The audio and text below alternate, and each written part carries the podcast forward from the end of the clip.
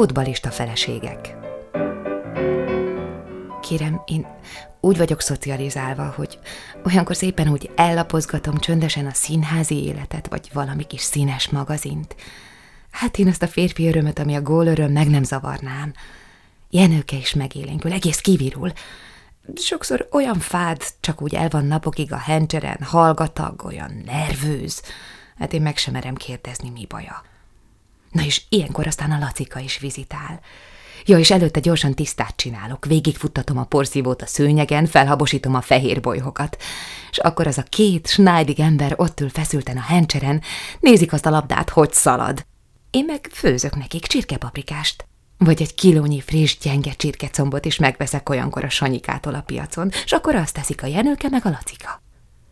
Kis tálcán teszem eléjük, némán, ne zavarjam őket. Uborkát is szervírozok hozzá. Persze van bennem ijegység, hogy esetleg azzal a paprikás szaftal összerondítják a hencser hófehér húzatját, vagy netán a bolyhos szőnyegen esik makula, de hát bearapom a szájamat inkább nehogy ilyen őke feldühüljön. Az, hogy nép mit kárál ilyenkor és a Lacika annyira belemerül, úgy élvez, csak lesi, hogy perdül, száguld a labda a zsöngegyepen. Hát még a majorannás csirkecomb is megáll olyankor a kezében. Addig tartja meretten, míg gól nem esik, szinte olyan egészen, mint egy szobor. Akkor, mikor a gól megvan, csak akkor fejezi be.